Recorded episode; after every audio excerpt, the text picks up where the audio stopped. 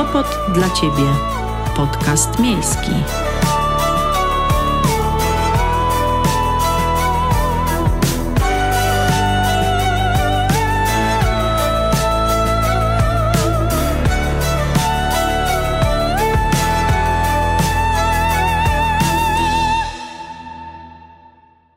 Dzień dobry albo dobry wieczór, w zależności od tego, o jakiej porze słuchają Państwo tego podcastu. Sopot dla Ciebie, podcast miejski i przed Państwem pierwszy podcastowy spacer z przewodniczącą Stowarzyszenia Sopot dla Ciebie i obecnie pełniącą funkcję prezydenta miasta Sopotu Magdaleną Czarzyńską-Jachim. Czy będziemy rozmawiać o polityce? Czy da się o niej nie mówić? A może porozmawiamy o niej przez pryzmat osobistych wspomnień? Nazywam się Kalina Gierblińska i zapraszam na spacer po Sopockiej plaży. Zebraliśmy w tym odcinku dźwięki miasta, sporo refleksji o nim, a muszelki zbierał Monte.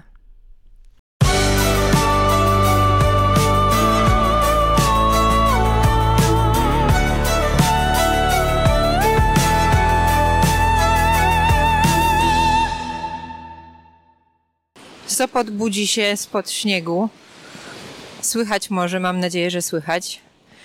Zapraszamy Państwa na podcastowy spacer z prezydentką Magdaleną Czarzyńską-Jachim. Jest to pierwszy odcinek Sopot dla Ciebie, podcast miejski. Dzień dobry Magda. Dzień dobry, witam wszystkich bardzo, bardzo serdecznie. Jak się masz? Wyspałaś się, bo jest niedziela rano. E, oczywiście tak, e, jak zawsze poranki są najpiękniejsze. Uwielbiam zabierać psa, schodzić po schodach i od razu jestem na Sopockiej plaży.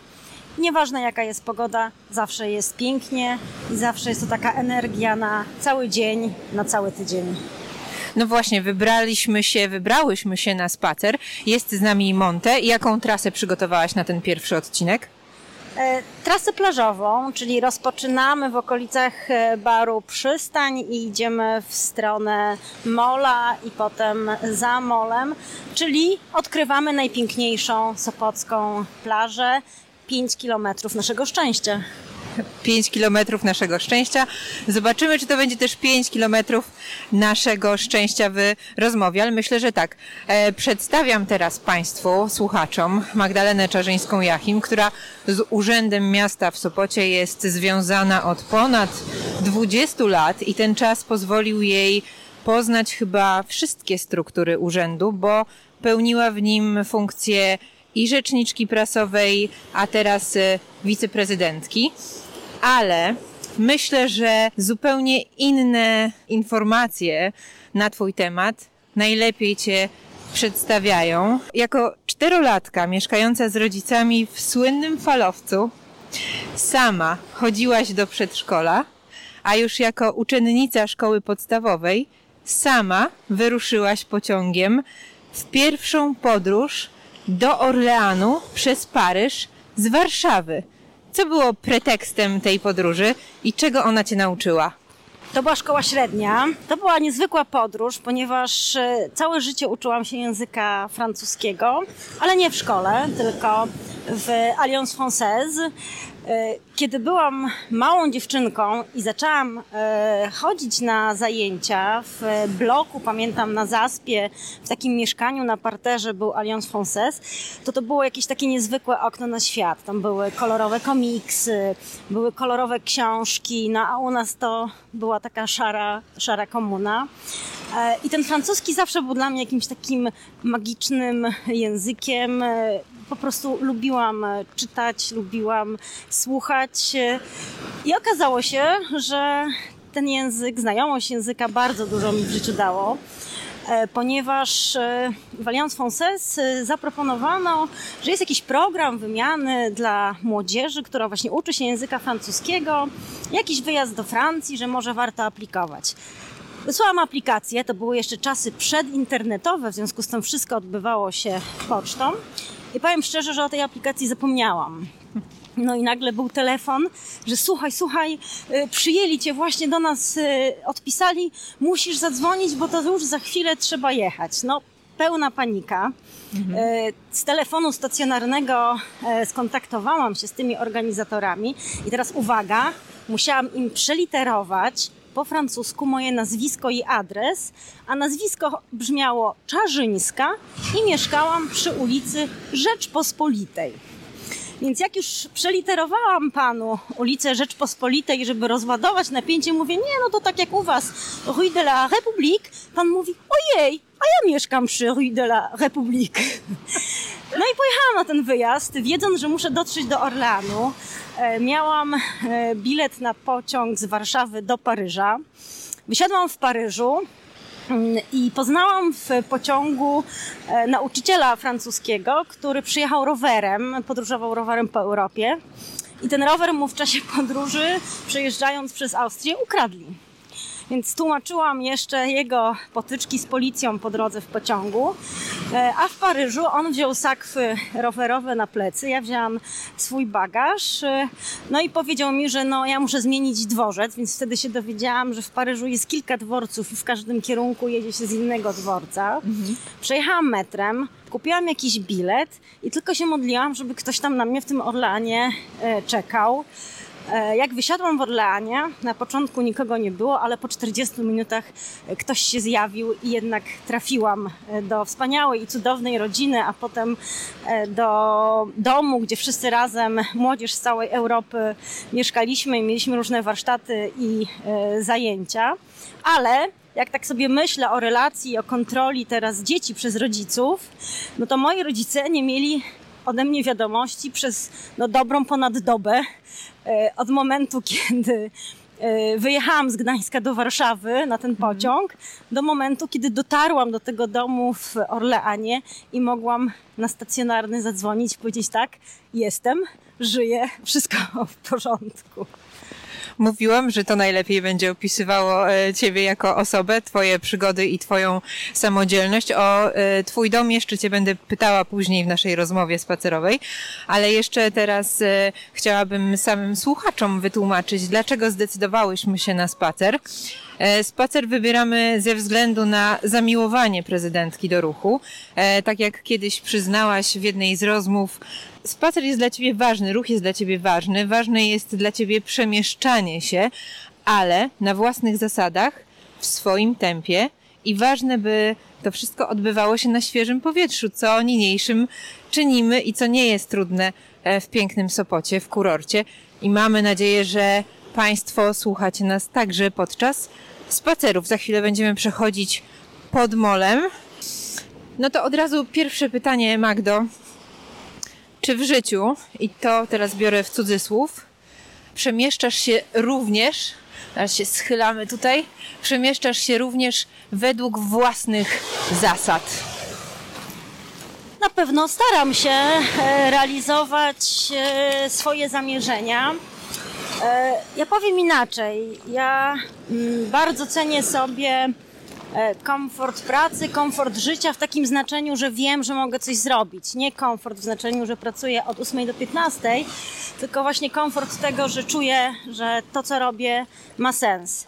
I zdarzyło mi się dwa razy e, zmienić pracę bardzo szybko, kiedy widziałam, że to jest coś, w czym ja się nie czuję dobrze. W związku z tym, jeżeli ja nie czuję się w tym dobrze, to moja praca nie będzie efektywna. I w takim znaczeniu myślę, że tak, że podążam za swoją intuicją, podążam e, za, za tym, co lubię robić, e, co mnie inspiruje ale chyba w dużej mierze też podążam za ludźmi, bo to ludzie mnie inspirują. Ja nie jestem osobą, która siedzi przy komputerze zamknięta w e, pokoju. Wręcz przeciwnie, zawsze twierdziłam, że najlepsze pomysły rodzą się z dyskusji. e, Ze zderzania różnych e, poglądów, myśli i nagle jest ten błysk, mamy to. A samemu człowiek może siedzieć, siedzieć, patrzeć się w ten ekran i, i tak naprawdę nic, nic z tego nie wynika. A w takim razie na jakich zasadach będzie rozwijało się Stowarzyszenie Sopot dla Ciebie, które w tym roku założyłaś? E, no właśnie ludzie. Ludzie są najważniejsi. Pracując dla miasta w różnych funkcjach spotykam się z mieszkańcami, spotykam się z osobami, które e, prowadzą firmy w Sopocie albo realizują różne wydarzenia e, artystyczne, albo po prostu lubią w Sopocie przebywać. I okazuje się, że te wszystkie osoby mają często bardzo ciekawe myśli, spostrzeżenia, pomysły, że lubią Sopot y, i chcą o nim rozmawiać.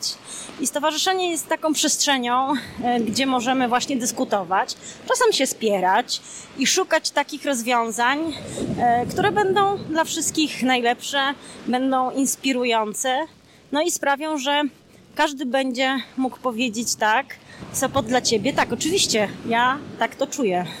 Ostatnio widziałam, że pytałaś profesora Michała Rusinka, czym jest dla, dla niego Sopot i powiedział, że goframi. Tak, oczywiście to jest e, bardzo e, ciekawe. E, zaczepiam różne osoby, zadając im to samo pytanie, Sopot dla ciebie to? No i powiem szczerze, że odpowiedzi są zaskakujące i to jest najpiękniejsze, bo dla każdego Sopot jest trochę czymś innym i ta różnorodność, e, no to jest nasze, nasze bogactwo. Bardzo lubię słuchać tych, e, tych odpowiedzi. Dla kogoś to jest ZAX, dla kogoś to jest plaża, dla kogoś to jest las, e, dla kogoś to jest muzyka, festiwal, właśnie gofry, uniwersytet. Także te odpowiedzi są tak różnorodne, jak różnorodny jest Sopot. Może dla kogoś po przesłuchaniu tego odcinka i kolejnych odcinków Sopot będzie się również kojarzył z podcastem miejskim. Zobaczymy, mamy na to nadzieję. Zastanawiałam się nad tym, czy będziemy rozmawiać o polityce na naszym pierwszym podcastowym spacerze, ale chyba nie. No chyba, że jesteś zdania, że polityka to jest coś takiego, co przenika wszystkie struktury naszej rzeczywistości. Tak uważam. E, uważam, że nie można mówić, że ktoś e, nie jest politykiem, jeżeli e, robi coś, działa na rzecz wspólnoty mniejszej czy większej. Niestety u nas zahydzono nam trochę politykę przez czasy komunizmu czy przez walki partyjne. E, natomiast polityka to jest po prostu zaangażowanie we wspólnotę i e, uważam, że nie można od niej uciec. E, kiedyś słuchałam takiej ciekawej bardzo dla mnie dyskusji młodych ludzi, przedstawicieli młodzieżowych rad na temat szkoły, czy powinna być polityczna, czy apolityczna. I oni mnie zaskoczyli dorosłością, bo oni stwierdzili, nie, nie, nie. Y, ona musi być polityczna, ponieważ właśnie polityka to jest zaangażowanie w, we wspólnotę, ale nie może być partyjna. I dla nich ta różnica była bardzo widoczna. I ja tak postrzegam politykę, y, że polityka to jest działanie na rzecz y, wspólnoty i nie odżegnuje się tego, że nawet będąc radnym czy mm, cokolwiek robiąc, po części jest się politykiem w tym dobrym tego słowa znaczeniu. No właśnie, to jest to, jak ty rozumiesz politykę, a ja się zastanawiam, czy my, jako społeczeństwo, potrafimy myśleć e, politycznie, myśleć o polityce.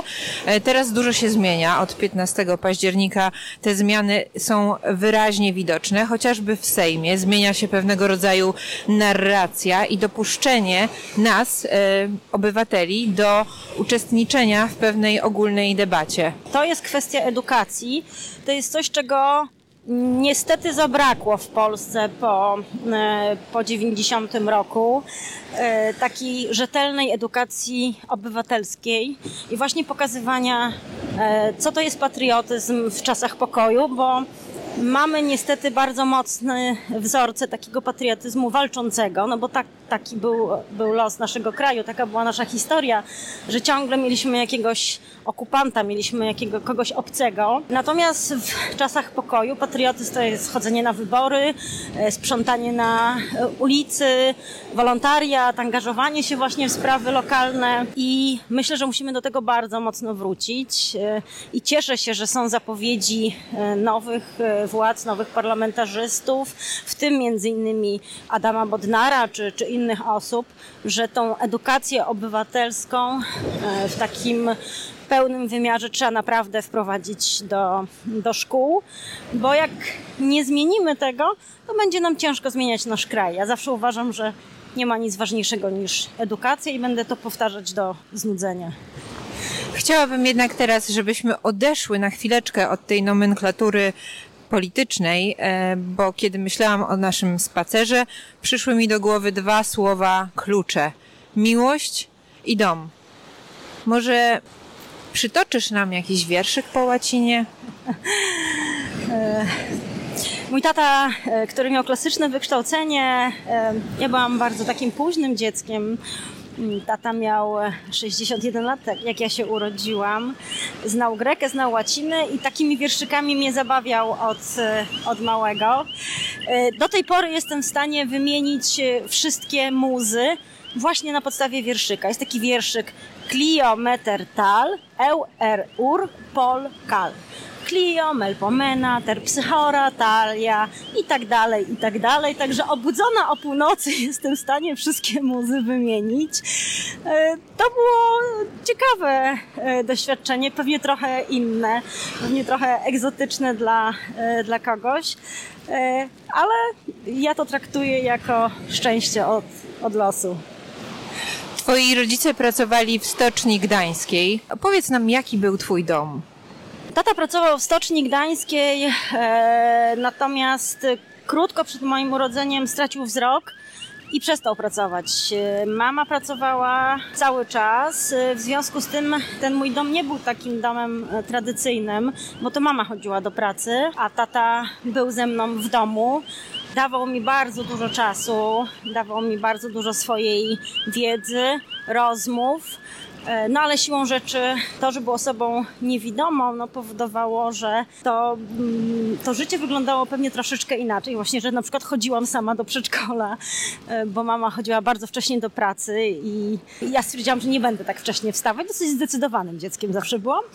E, w związku z tym sama chodziłam rano do przedszkola i ponieważ odmawiałam także leżakowania, to po obiedzie sama wracałam z tego przedszkola do domu. Mieliśmy z tatą taką procedurę, że on stał na galerii, na siódmym piętrze mieszkaliśmy ja zbiegałam po schodach i jak wybiegałam z klatki, to krzyczałam już i biegłam do przedszkola, które było e, na szczęście nieopodal. No myślę, że teraz to mogłoby się skończyć pozbawieniem praw rodzicielskich moich rodziców. Ale byłaś wtedy w tym okresie taką małą dorosłą i czy to właśnie wtedy e, wykształciła się u ciebie musimy na chwilę przerwać, bo Monte odbiegł kawałek od nas. Chodź, Monte, do nas, chodź, chodź.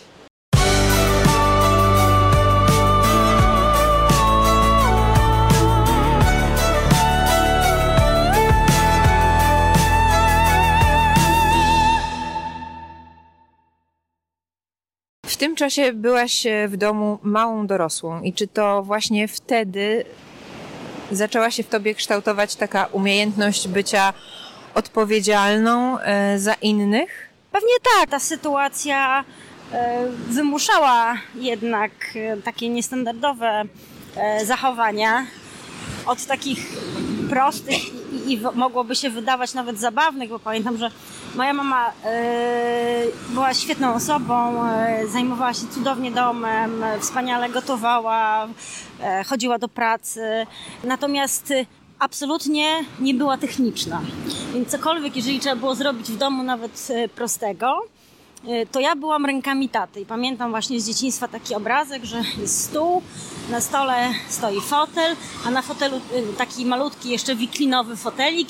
Ja na tym wszystkim stoję, tata mnie trzyma za nogi, a ja wkręcam e, kostki, wiecie, kabelki w kostkach e, w lampie e, sufitowej. Ale ja myślę, że najbardziej ukształtowało mnie chyba to, że wszystko polegało na takim zaufaniu, czasami bez możliwości kontroli. Możecie sobie Państwo wyobrazić, że jeżeli dziecko jest samo w domu z osobą, która nie widzi, to jakby pewne, nie wiem, polecenia e, czy rzeczy, które ta osoba robi, e, polegają tylko na zaufaniu, tak? Bo tata nie był w stanie pewnych rzeczy sprawdzić, e, czy ja go okłamuję, czy ja go nie okłamuję.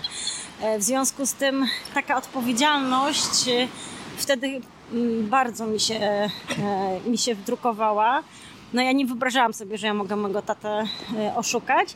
Zresztą jak sobie tak myślę e, z perspektywy czasu i osoby dorosłej, to gdyby ktokolwiek mnie zapytał, nawet jak miałam naście lat, czy nawet jak już byłam na studiach, e, czy mój tata jest osobą z niepełnosprawnością, to bym zaprzeczyła, bo on nigdy w moim pojęciu, przekonaniu taką osobą nie był.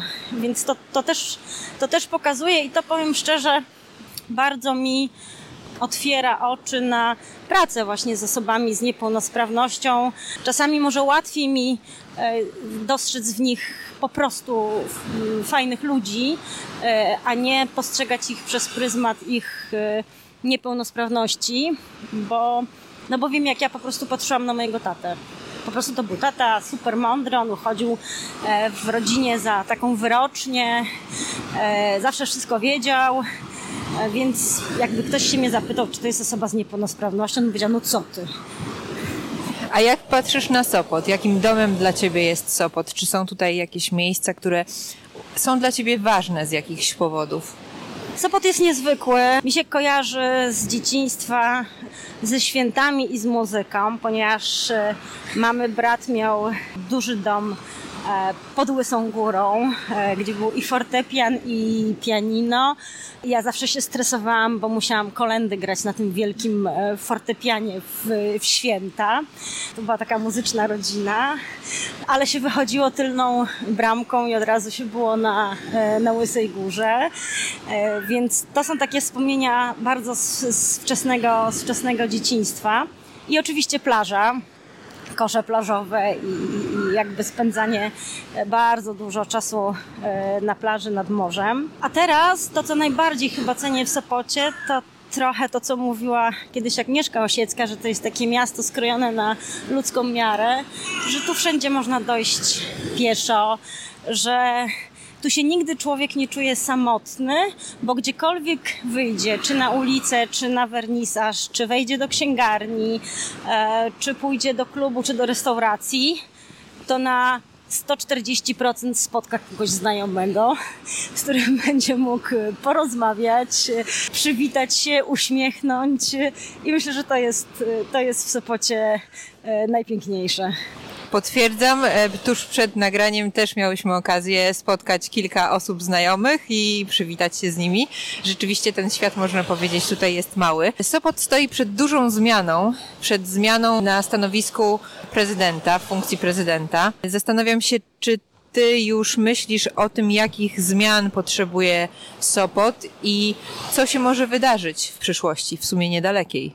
Na pewno wszystko się zmienia naokoło. Czas e, pandemii, wojna w Ukrainie, e, różne kryzysy też zmieniły turystykę, no, która jest głównym takim motorem Sopotu.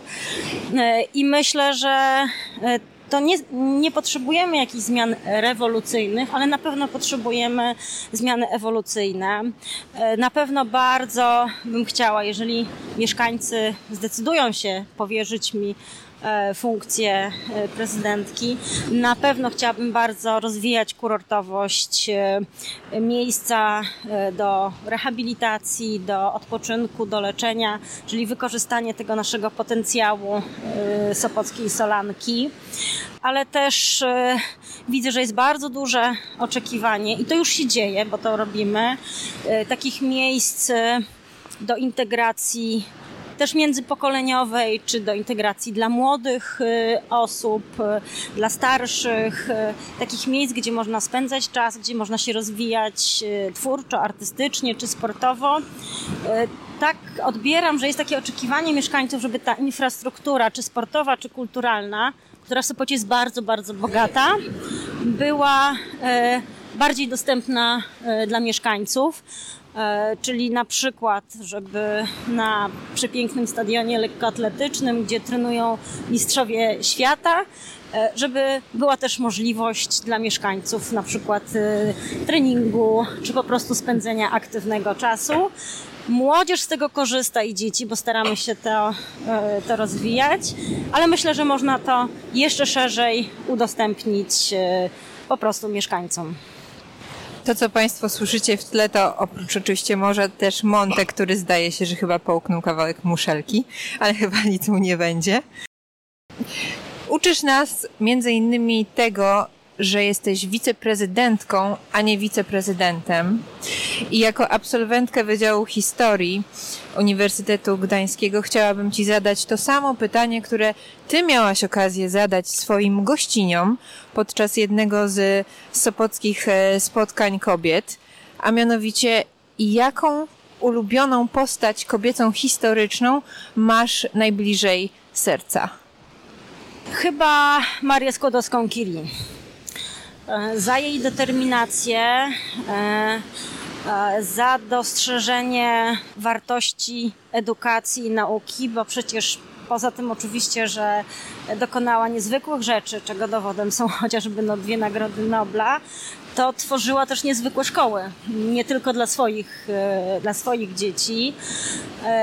I myślę, że ona jest takim przytyczkiem w nos, bardzo dużym, e, wszystkim, którzy mówią, że zmiany, jeżeli chodzi o równouprawnienie kobiet, powinny następować ewolucyjnie, bo przypomnę, że Polski Uniwersytet jej nie przyjął. E, a gdyby ją przyjął, to Polska miałaby może dwa Noble, a nie Francja. E, I to jest taki przykład dla mnie, że trzeba się upierać i trzeba pokazywać, że kobiety to jest połowa społeczeństwa. I gdyby więcej i wcześniej było takich Marii, to może inaczej wyglądałaby nauka, e, to może inaczej wyglądałaby e, kultura. A tak jak przeglądamy albumy, jak przeglądamy kroniki, to jakoś tych kobiecych postaci jest bardzo, bardzo mało. I jestem przekonana, że to nie wynika z tego, że kobiety nie miały potencjału. No właśnie, może też i taka zmiana czeka Sopot i inne miasta. To też już widać po tym 15 października, po wynikach wyborów. Mówi się, i to też jest związane z tym, o czym przed chwilą rozmawiałyśmy, że w życiu najważniejsza jest decyzja, jakie decyzje podejmujemy, a resztę już dokonuje e, sam przypadek. Czy zgadzasz się z taką filozofią życiową?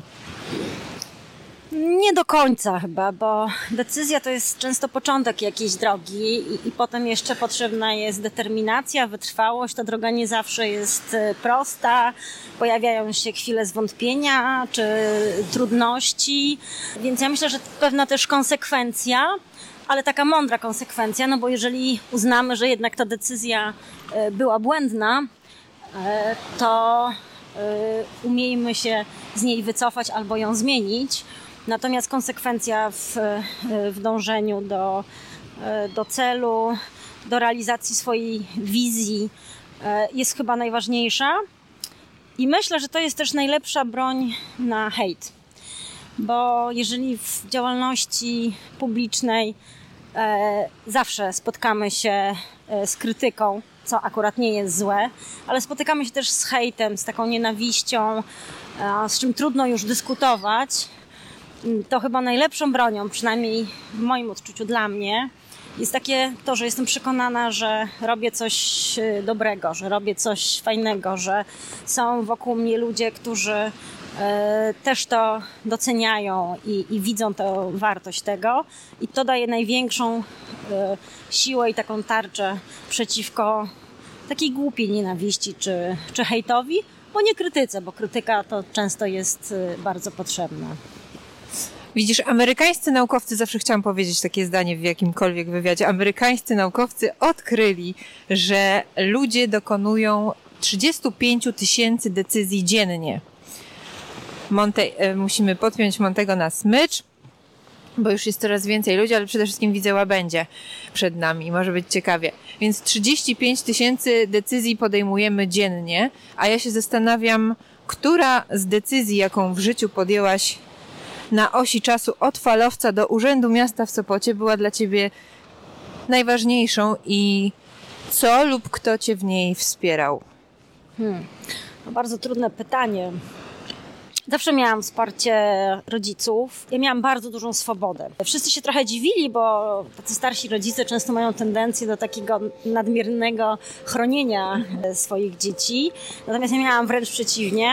Mama zawsze mi powtarzała, mówi, że to jest moja odpowiedzialność i ona nie widzi problemu, żebym e, jak gdzieś sama jeździła, no bo e, to, to przecież nie chodzi o to, żeby kogoś pilnować czy nadzorować, tylko właśnie wytworzyć taką odpowiedzialność. Potem oczywiście oczywiście i nadal wspiera mnie mój mąż e, i moja rodzina. E, także z mężem dajemy sobie dużo takiej przestrzeni do swojej działalności. Ja nigdy od mojego męża nie usłyszałam, że nie wiem, powinnam mniej pracować albo e, że powinnam coś robić inaczej. I to jest chyba najważniejsze w tym, w tym wszystkim, więc to, to daje jakąś tam dużą siłę. No i na swojej drodze zawodowej spotykałam niezwykłych ludzi, e, no chociażby mojego szefa, od którego się bardzo wiele e, nauczyłam, z którym się wielokrotnie gdzieś tam ścierałam i kłóciłam, ale to zawsze było bardzo, e, bardzo twórcze i też mu za to dziękuję, że taka możliwość dyskusji była, bo, mm, bo to uczy też znajdywania argumentów, przekonywania i zawsze z tego wychodzą ciekawe, ciekawe rzeczy. No i bardzo wiele osób, czy w urzędzie, w instytucjach, czy po prostu osób w Sopocie. Sopot to jest takie miasto, które przyciąga E, naprawdę niezwykłe osoby. Ja dzięki pracy e, w urzędzie no miałam okazję naprawdę poznać e, bardzo, bardzo niezwykłe osoby z bardzo różnych dziedzin. No i to zawsze inspiruje. Słuchając Twojej odpowiedzi, tak sobie myślę, tak sobie dopowiadam, popraw mnie, jeśli to jest błędna interpretacja, że taką jedną z ważniejszych decyzji w Twoim życiu był po prostu Sopot. Tak, to była decyzja bardzo ważna i jeszcze przed, przed tym, zanim zaczęłam pracować w urzędzie e, miasta Sopotu, to byłam z Sopotem związana zawodowo, ponieważ jako dziennikarka przez jakiś czas e, kierowałam oddziałem Sopockim Gazety, pisałam o Sopocie, przygotowywałam także jakieś większe publikacje związane z chociażby z jakimś rocznicą samorządności. Więc ten Sopot ciągle, ciągle gdzieś, e, gdzieś się przewijał e, także zawodowo. I myślę, że te dwie prace, czyli praca e, dziennikarki, a potem praca w urzędzie, no pozwoliła mi właśnie tak poznać Sopot w bardzo, w bardzo wielu, wielu aspektach, wielu obszarach. No i to, to jest coś niesamowitego. Wiem, że teraz e, najbliższą decyzją, jaką podjęłaś, jaka jest przed tobą, to jest morsowanie, bo za chwilę chyba będziesz morsować, prawda? Tak, taki jest e, plan. Przestał padać śnieg, więc będzie, będzie przyjemniej. Ja zawsze się śmieję, że to tak z oszczędności, bo wiecie, wszystkie zabiegi tam ujędrniające, e, zdrowotne, zawsze są strasznie drogie, a tutaj wystarczy za darmo wejść do słonej, zimnej wody i od razu skóra jak aksamit i pięć lat mniej. Magda, bardzo Ci dziękuję za ten spacer i za rozmowę. E, dziękuję, zapraszam do Sopotu o każdej porze roku. Sopot dla Ciebie zawsze jest otwarty. Sopot dla Ciebie podcast miejski to jest pierwszy odcinek podcastu związanego ze Stowarzyszeniem Sopot dla Ciebie, którego współzałożycielką, założycielką jest Magdalena Czarzyńska-Jachim, która e, była gościnią moją i Państwa podczas tego pierwszego spaceru. Do spacerów z Magdaleną Czarzyńską-Jachim, prezydentką e, Sopotu będziemy jeszcze wracać e, przynajmniej raz w miesiącu. Taki mamy ambitny plan. Niebo się rozjaśnia, wypogadza się, gdzieś już widać pierwsze promienie słońca. Ja się nazywam Kalina Gierblińska, było mi bardzo miło z Państwem spacerować i życzymy samych mądrych, dobrych decyzji i do usłyszenia w kolejnym odcinku Sopot dla Ciebie, podcast miejski. Sopot dla Ciebie, podcast miejski.